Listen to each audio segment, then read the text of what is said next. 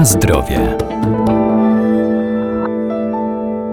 Codzienny ruch i aktywność mają korzystny wpływ na nasze zdrowie, ale to nie tylko ćwiczenia fizyczne, także czynny wypoczynek, turystyka i rekreacja, a temu sprzyja na przykład spacer czy przejażdżka rowerem po leśnych szlakach i trasach. Dziś będziemy zachęcać do turystyki w północno-zachodniej części województwa lubelskiego.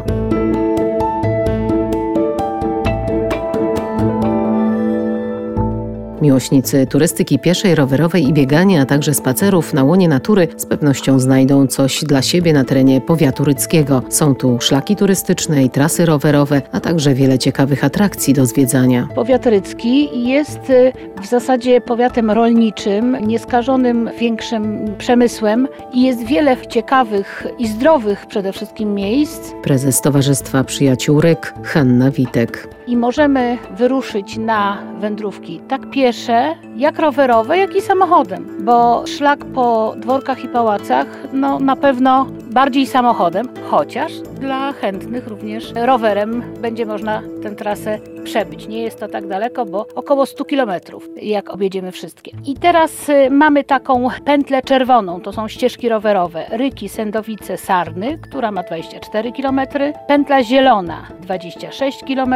Stężyca, ścieżka rowerowa koroną wału przeciwpowodziowego Stężyca Młynki Dęblin. Następnie ze Stężycy ścieżka rowerowa biegnąca polnymi drogami, częściowo drogami asfaltowymi, czyli Stężyca, Jezioro Palenickie, Brzeźce, Prażmów, Brzeźce, Kletnia, Rokitnia i z powrotem do Stężycy. I mamy jeszcze szlak ziemi łukowskiej.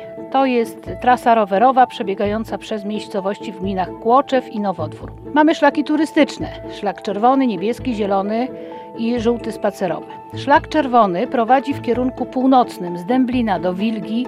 Drugi szlak, szlak niebieski, nadwiślański, biegnie w kierunku południowym z Dęblina do Annopola przez Gołąb, Puławy. Kolejny szlak, szlak zielony, generała Franciszka Kleberga prowadzi na wschód od Dęblina do Kocka. I jeszcze szlak żółty spacerowy prowadzi wokół Dęblina. Łączna długość trasy wynosi 12 km.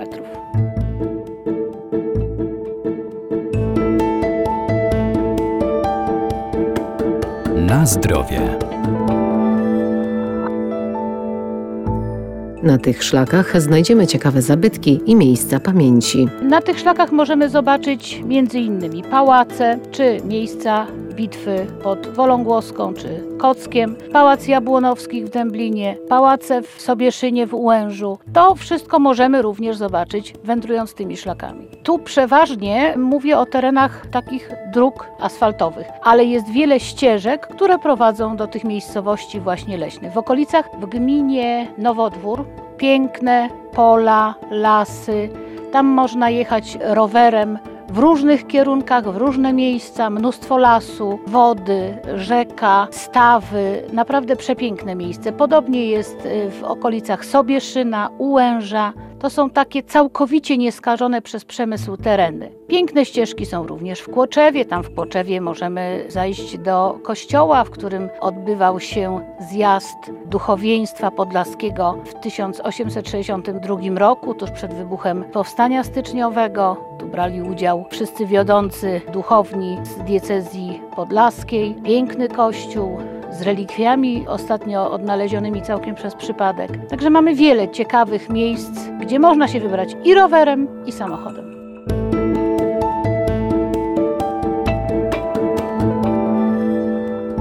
Zanim jednak wybierzemy się na wyprawę, warto zapoznać się z regulaminem korzystania ze szlaków. I jak przy każdej aktywności na świeżym powietrzu należy pamiętać o odpowiedniej odzieży dostosowanej do pory roku oraz pogody.